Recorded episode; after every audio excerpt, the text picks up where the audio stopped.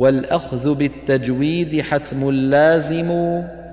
من لم يصحح القرآن آثم لأنه به الإله أنزلا وهكذا منه إلينا وصلا.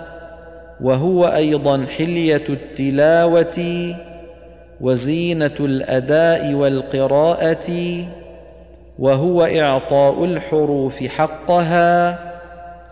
من كل صفة ومستحقها ورد كل واحد لأصله واللفظ في نظيره كمثله مكملا من غير ما تكلف باللطف في النطق بلا تعسف وليس بينه وبين تركه إلا رياضة امرئ بفكه